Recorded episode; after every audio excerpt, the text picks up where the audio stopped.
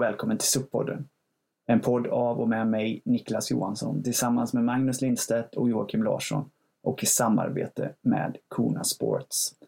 Magnus Lindstedt, han är elittränaren som själv har 11 SM-guld från samtliga discipliner i SUP. Magnus är också huvudtränare för både en femfaldig världsmästare i SUP och Kona Racing Team. Han har i över 30 år arbetat med prestationsutveckling inom många olika idrotter och många olika förbund. Joakim Larsson han har ägnat de senaste 30 åren åt surf och vattensport, tävlat på hög nivå i windsurfing och med flera medaljer från VM. Joakim visade en av de första supparna i Sverige redan 2006. Numera lever han SUP som grundare och ägare till Sveriges ledande SUP-företag, Kona Sports.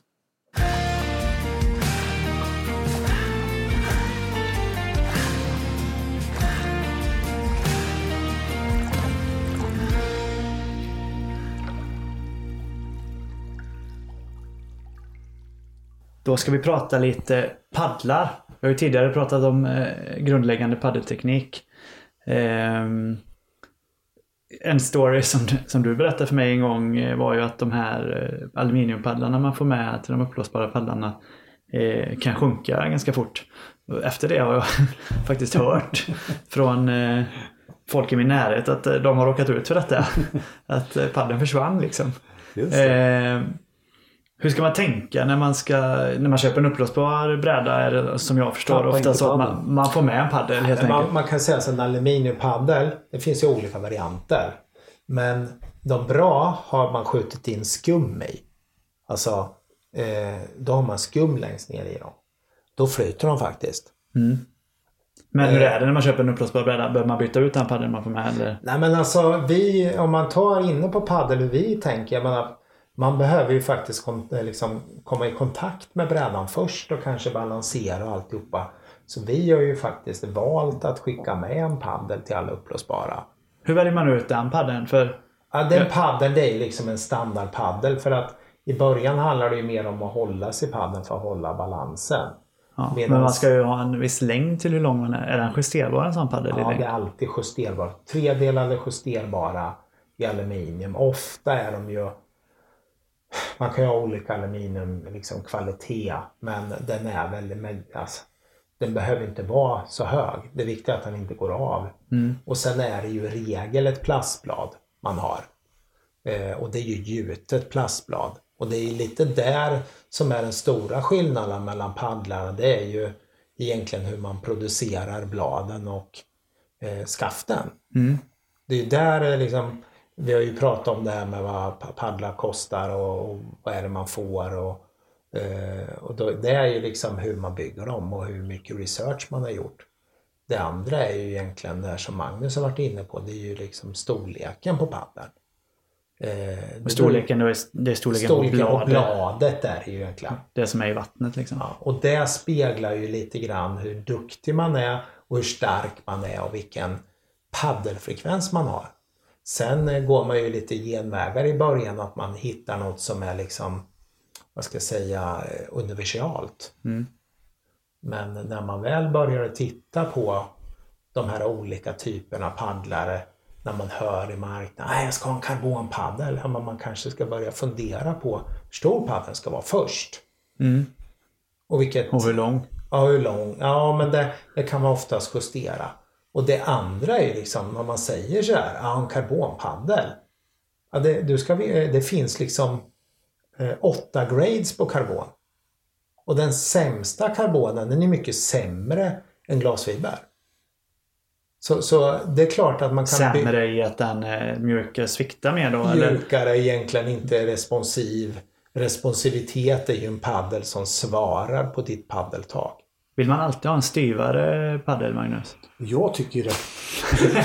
Fel människa att fråga. Nej, men, eh, Men du får ändå vara experten i den frågan. ja, men vad ska man säga så här? Alltså, för att komma igång så kan det vara bra. Om man aldrig har paddlat tidigare till exempel. Så kan det ju vara bra att man har en, en lite mjukare paddel som inte påfrestar eh, leder och, och Ja, det är en aluminium. Den, på, den är ju mjuk. Den är väl mjukast i det här fallet. Eh, Och bladet, plastblad, är ju väldigt mjukt. Absolut. Men även eh, alltså till exempel eh, vissa alltså hybridpaddlar. En kombination mellan glasfiber och eh, kolfiber. Ja, okej. Ehm, så att, nej men både ett mindre blad, ehm, en liten mju ett mjukare skaft. Det kan ju vara och behagligt i början. Ja, Det är lite kul liksom när man tittar. Vi kvalitetsgodkänner ju karbon och så här. Vi får hem de här samplen. Sen sågar vi tur dem. Sen så försöker vi liksom ta reda på hur mycket glasfiber och karbon. Nej, det vet du 100% karbon. I- Ibland så frågasätter jag överhuvudtaget om det är karbon. Om, det, om de har gjort glasfibern svart liksom. För att ha färgat den. Och det, där, det är det där som är varumärke, research och vetenskap. Att man var, eh, jag menar det är ju som en cykel, ta en träckcykel. Eh, Nu sa jag träck för jag har en träck. Och ni som vet vad träck är, jag har en Modane liksom. Modane är liksom the shit. Och de betecknar sin karbon med olika grade. Och de har ju den finaste karbonen man kan ha. Den, de har ju karbon som man använder när man bygger vapen. Det är en amerikansk karbon. Sen finns det ju massor med karbon som kommer från Japan och Kina. Alltså det finns jättemycket karbon. Det, det, det är ju det där som kommer liksom avgöra om du kan bygga en bra paddel. Eh, eller dålig paddel. Så det finns lite andra parametrar man ska kolla på först då kanske innan man bestämmer sig för vilket material den ska vara i och... Ja men så så. skulle jag det är vilja... lite, det, för det kan vara lite likadant som du, du nämnde cyklar liksom. Att man tänker att en karboncykel är per definition bra. Den men- kanske inte alls är jättebra om man Ja, ska cykla jättelångt. Då kanske man vill ha en lite mjukare Pris, cykel. priset speglar alltid den paddeln du köper. Köper du en exklu- vi har ju, vi har ju paddlar liksom från 1000, här, så här, 500 spänn upp till 6000.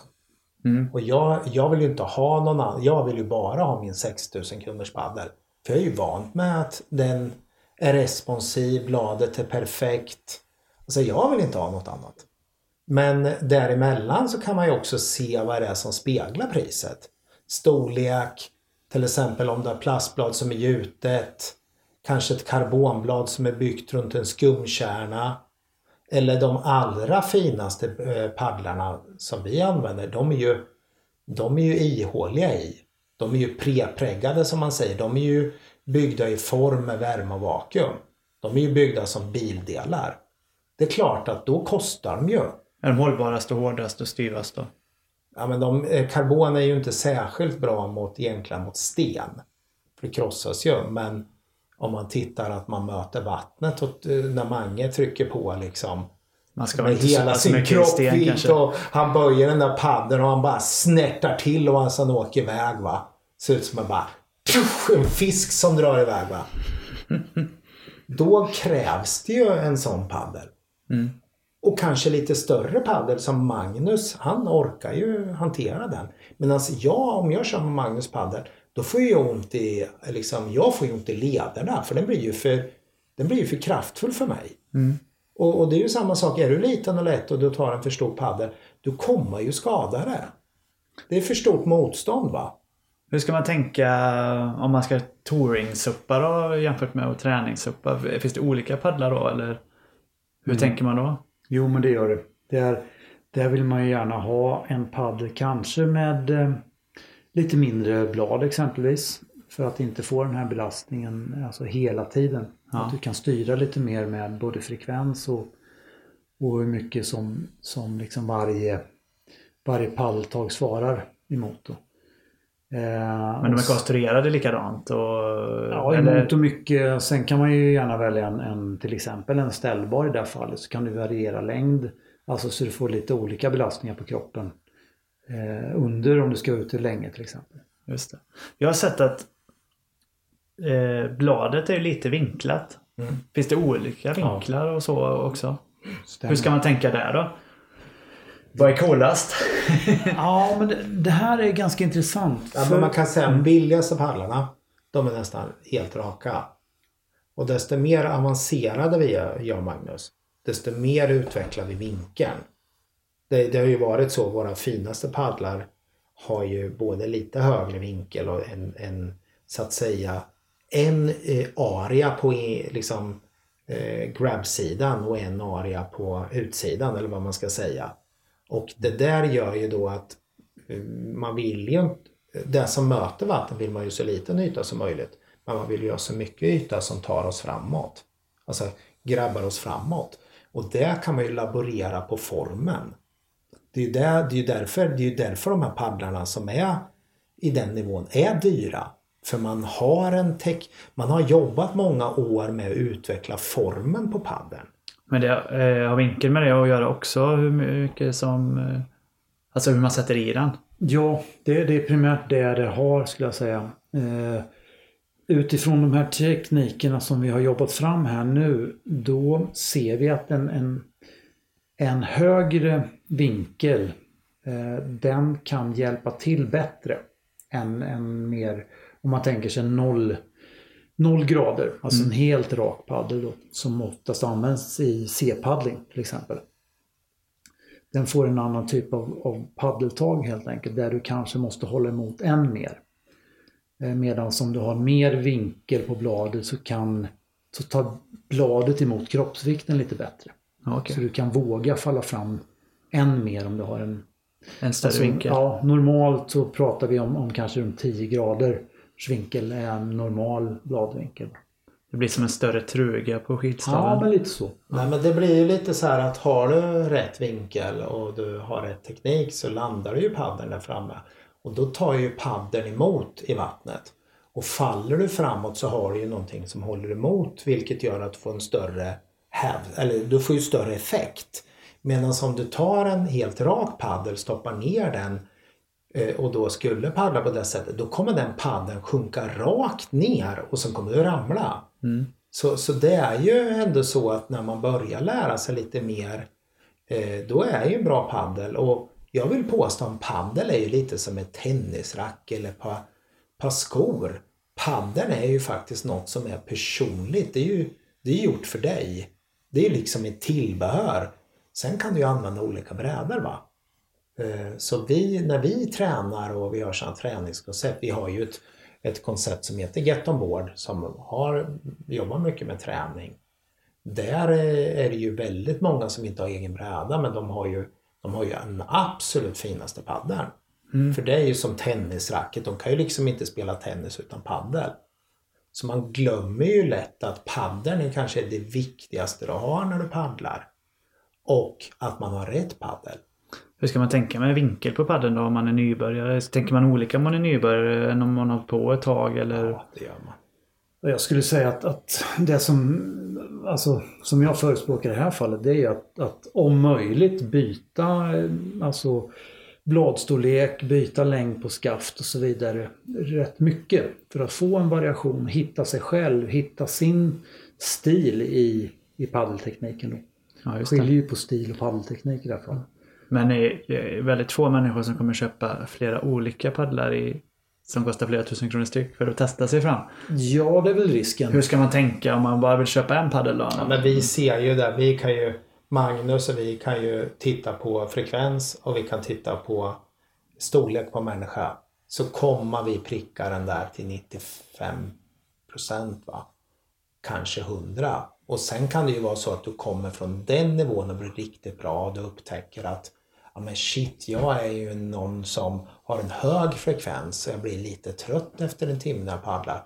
Ja, då byter jag ner till en liten paddel men det är ju ingenting som du kommer kunna se när du kommer och liksom gör ett test. Det är utifrån vad vi ser och vi rekommenderar.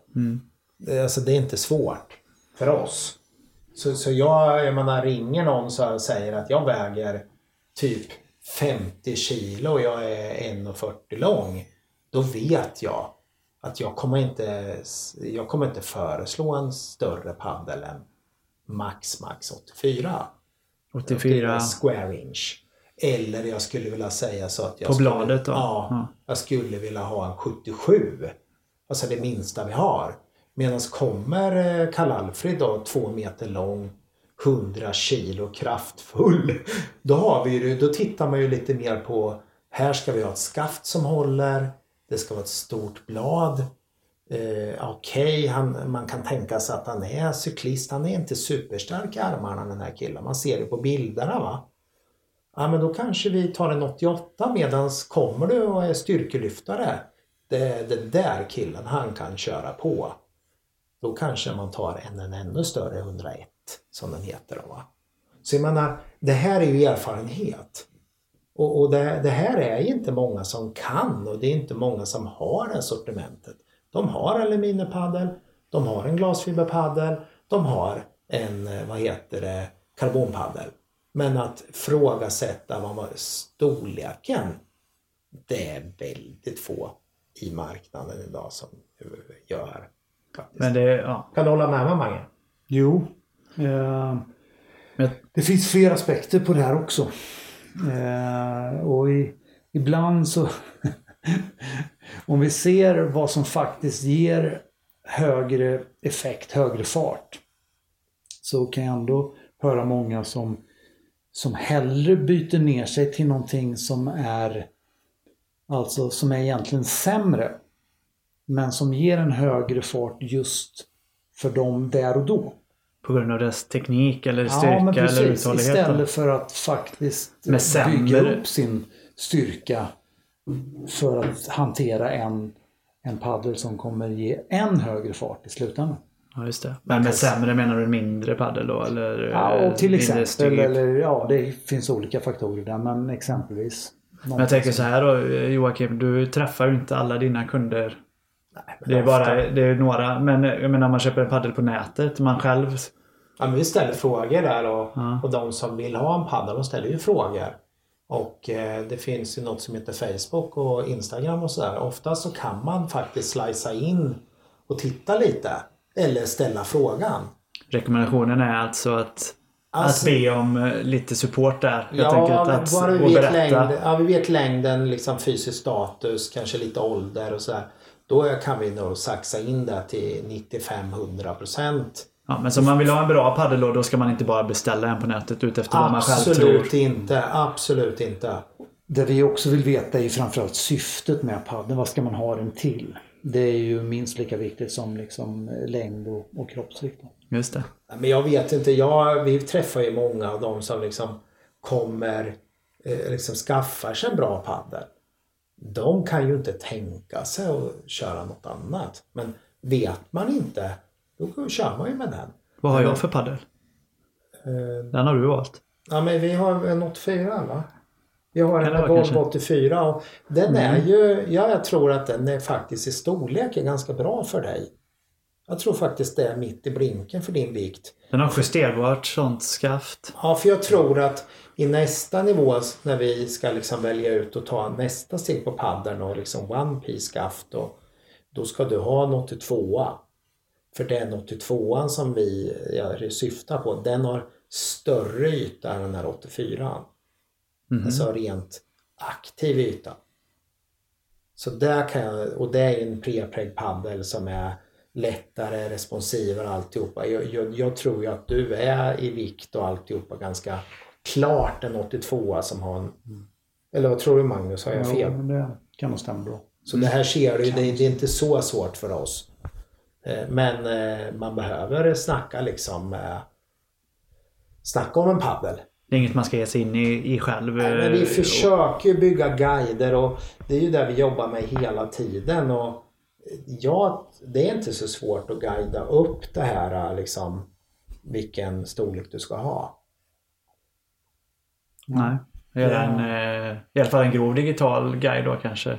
Ja, och jag menar sen, sen har man möjlighet så kan man ju sagt testa själv, hitta så kan man ju få, när man vet ungefär vilken modell så kan man ju få hjälp med att hitta vilken kvalitet.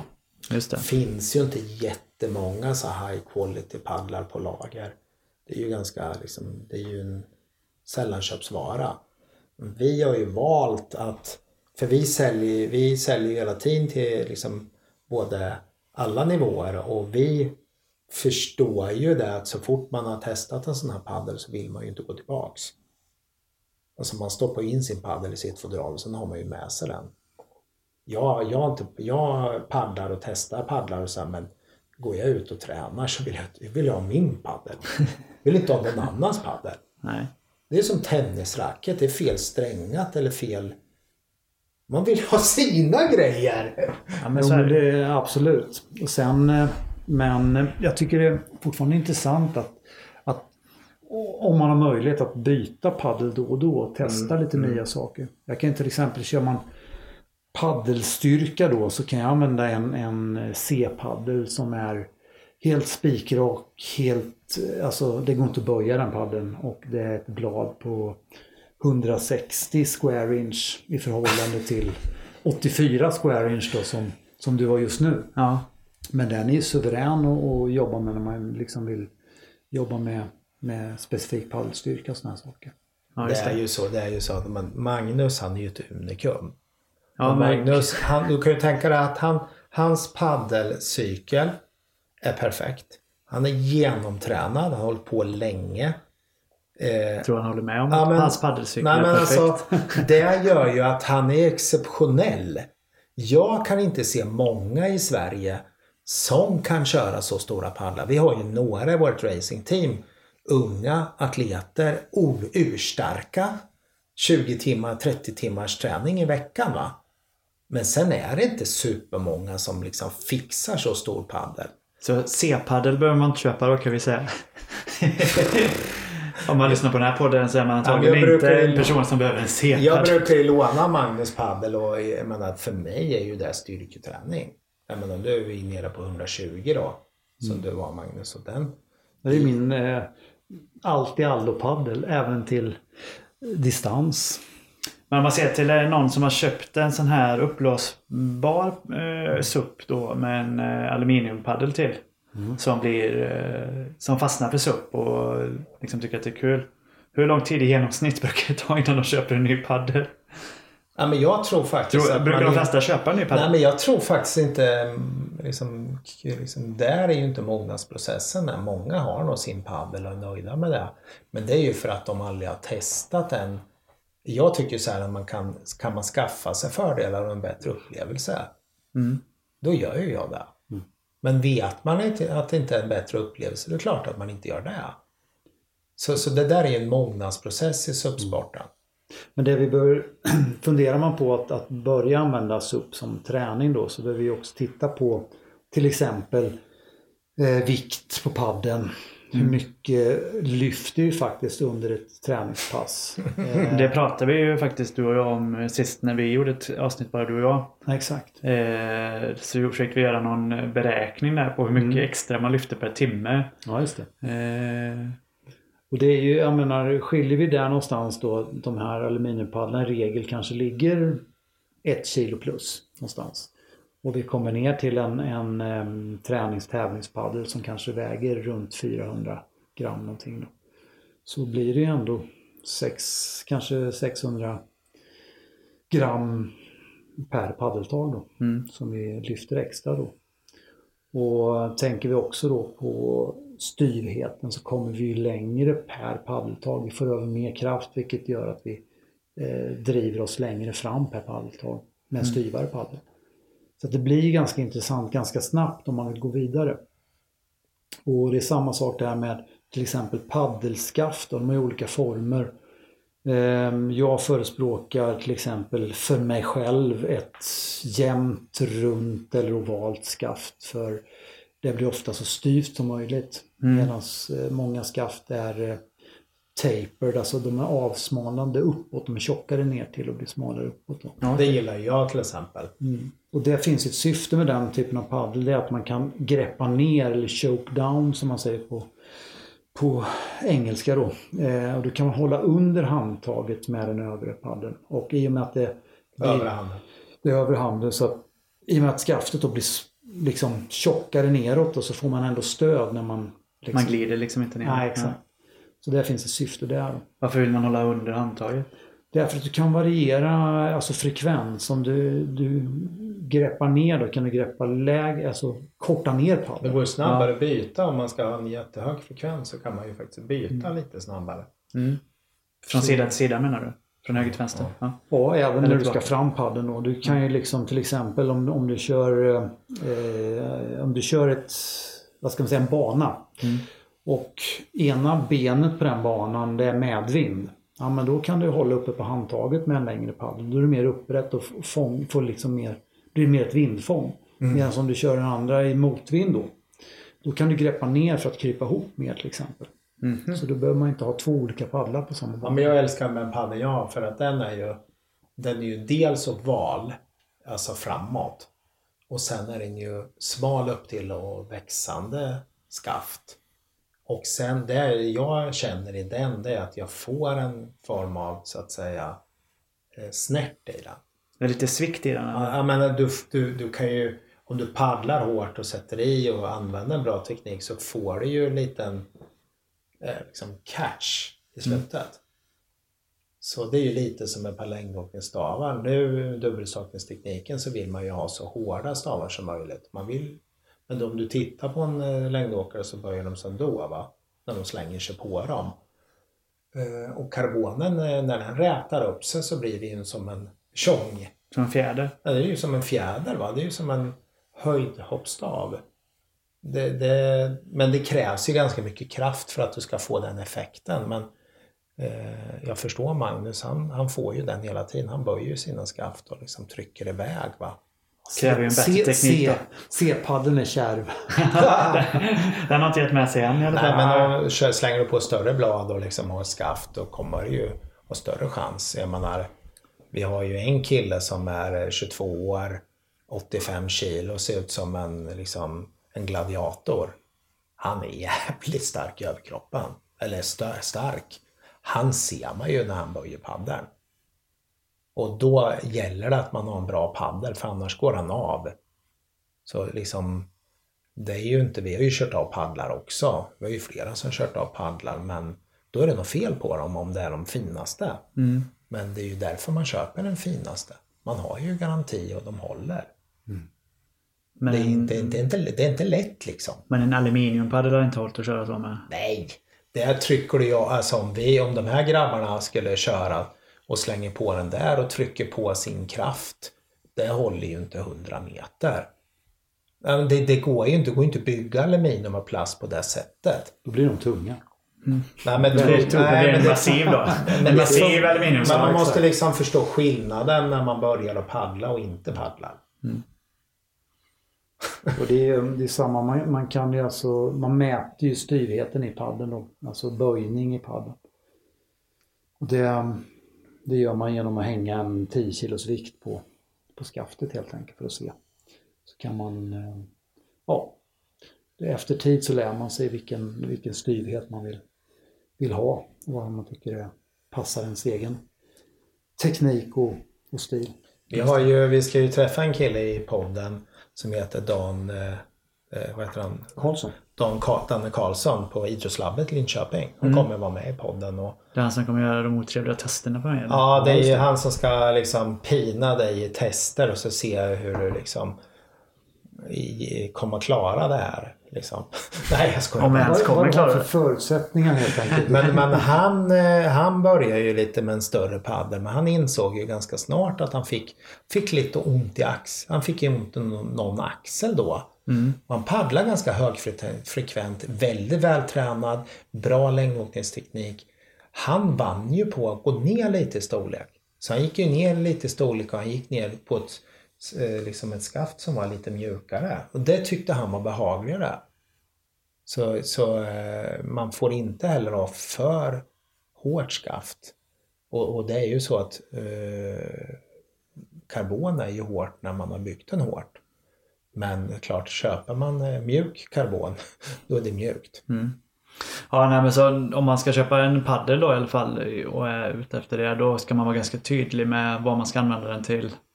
Och eh, hur man själv, vad man har för egenskaper rent eh, fysiskt. Vad man vill uppnå med paddeln också för den delen.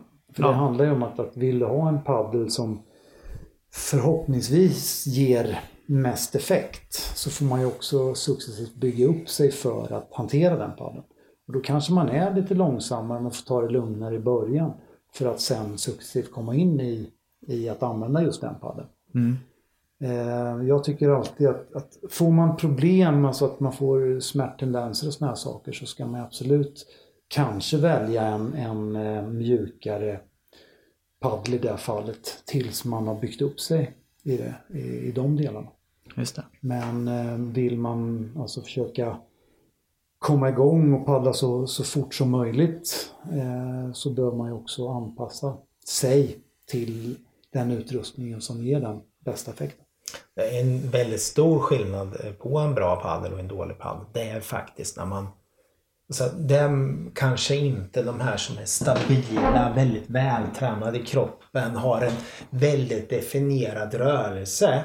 De kommer kunna styra paddeln i vattnet att den ändå går rakt. Men när börjar den svikta, då blir det svårare att paddla. Eller har man en form som gör att den inte fastnar riktigt i den här rörelsen, då blir det också, då kommer man ju dra in paddeln ut, paddeln kommer svänga, brädan kommer svänga lite mer. Man har den här tekniken, du paddlar spikrakt, då kommer brädan gå rakt. Medan har den här paddeln som viker, kanske inte rätt form, du paddlar inte rätt, då kommer du svänga. Vänster först, fem tag. Höger, fem tag det är det här som är uppsidan av att lära sig paddling och ha rätt paddel. Mm. Då får du ju upplevelsen av att stå där oavsett vilken bräda du har. Kommer att vara bättre. Här kan man märka två effekter som är ganska intressanta. Och det är att, att paddeln kan wobbla ibland. Så tar man ett paddeltag så börjar bladet röra sig från sida till sida. Mm. Alltså det börjar liksom vibrera nästan. Mm. Och det finns i regel två orsaker till det här. Och det ena är att paddeln har en, en relativt dålig konstruktion. Det innebär att, att bladet är inte så vridstyvt. Att bladet tenderar så att ge efter. Mm. Eh, och det är oftast eh, kopplat till skaftet. Att skaftet är för mjukt så kan det också ge den effekten. Mm. Alternativet är att om du har en väldigt välbyggd paddel då eh, och det vibrerar, då är det du som inte har styrkan att det, hålla emot. Det är du som är för mjuk. Exakt. Ja. Så, så, det, så ja, vet man om det att har man en, en kvalitativ paddel så är det förmodligen att du kanske får gå ner i bladstorlek då. Eh, tills ja. du orkar. Ja, men jag kommer ihåg när vi var ute och körde. Vi har en bräda som heter Shore. Det är liksom våran instegsbräda. Och Magnus var ute och testade faktiskt och eh, se hur snabbt vi kunde paddla. Och det är extremt få förvånansvärt hur snabbt vi kan paddla den brädan. När du sätter till din teknik och jobbar på ett rätt sätt. Var vi uppe i 12 eller? 11? Nej, nej. 10? Drygt 10. Ja. Drygt 10 kilometer timme. per timme. Med en bräda som är 32 bred och 10,8 lång. Det är snabbt alltså. Det är många som inte kan generera den hastigheten på en racebräda. Förstår du? Mm. Då har ju det att göra mycket med teknik. Därför är ju uppsidan teknik och paddel är någonting som man verkligen ska lägga tid på. För upplevelsens skull. Ja, nej det är alltså, jag menar, det hänger ihop alla de här delarna. Brädan, paddel och teknik och för den delen stil då.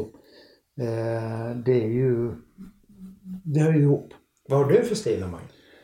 Jag har min egen stil helt enkelt. Och stil i det här fallet i förhållande till teknik är ju hur du utför tekniken med din kroppskonstitution. Så det, därför kan det se väldigt olika ut hur olika paddlar, paddlare paddlar samma teknik. Det är det som är stil och, eller skillnaden mellan stil och teknik. Ja, men stil kanske blir ett helt annat avsnitt då kände jag nu. Kan det ju bli. Det här var men, ska vi bedöma Niklas vad han har för stil då? Ska vi sätta några liksom? Han har ju Niklas stil. Ja, men, men har han för teknik? Det är det som är frågan. Ja men kör tia då. vad, vad har Niklas ja, nu? Okay. Ja men, eh, ja men Niklas... Du är lite snäll nu. Du drar ner det här lite nu. Ja men Niklas med den eh, lilla tiden han har så ligger han väl ändå på en trea skulle jag säga. I teknik eller i stil? Ja, med teknik. Ja, men mm. alltså jag skulle ju tänka, om vi sätter både muskelkraft och teknik då. Då skulle jag vilja säga så här att ja, en två och en halva på teknik och eh, på styrka då. Muskelstyrka, paddelstyrka. 10, eh, jag tror eh, fyra. Oj! Tre och en halv. Jaså, där får ah, vi... Det dra ner den lite va? Det här måste vi ju mäta helt enkelt. Ja. Ju, nu börjar vi prata om distance per stroke här. Ja. ja, den är nog inte så bra. Det tror jag Nej, inte. Men den ska vi ta sen. Eh, det är lite kul hur vi har verkligen testat paddelbräda och fått fram... Och Niklas. Och Niklas. Testa Niklas. Hur vi får fram den här responsiviteten. Är Niklas responsiv till? Tillräckligt responsiv. Med den här med den kombinationen. Ja. Alltså där ser man ju liksom bräda, paddel, teknik. Alltså det händer väldigt mycket. Men när vi kan sammanfatta, är man seriös med att paddla SUP så är det i alla fall, eh, då ska man skaffa rätt paddel. Absolut. Och eh, man ska inte snåla. Nej, jag tror inte det. För det är någonting man kommer ha väldigt länge. va? Det är ingen, den, den kommer aldrig gå sönder om man bara är rädd om den och sådär. Du kanske byter bräda men paddeln är något personligen. Så man ska inte snåra på padel. Jag törs nästan inte säga det här men jag, min tävlingspaddel har jag haft sedan 2012. Ja. Varför vågar du inte säga det? Nej men där ser du ju. Han har ju liksom det här som vi jobbar med något som heter ett amerikanskt Kalifornienmärke som heter Quickblade. Och det, det, den ser jävligt bra ut. Jag brukar, an, ursäkta svor nu, det var inte meningen. Men eh, jag brukar använda den. Men jag pallar ju inte den för att han är för stor. Jag får ju ont i kroppen efter ett tag. Va? Men Kona tillverkar inga egna paddlar. Jo, det gör vi. Vi gör ett antal mellanpaddlar då i karbon som vi förordar. De är 84, de är tre och tvådelade. Tror jag passar 90% ungefär. Ja. Så det är en väldigt bra paddel att börja med. Men sen om man nu ska över på träning, kanske ha en bra träningsbräda i upplösbar eller kanske en kompositbräda då. Liksom matchen, matchningen är ju minst en, som en 84 karbonpaddel av en viss style eller uppåt. Ja. Man ska ju ändå veta att köper man en bräda för 15-20 tusen så ska man nog räkna lite grann att en paddel om man liksom ska matcha den det är 3 till 6 tusen. Jag skulle ju...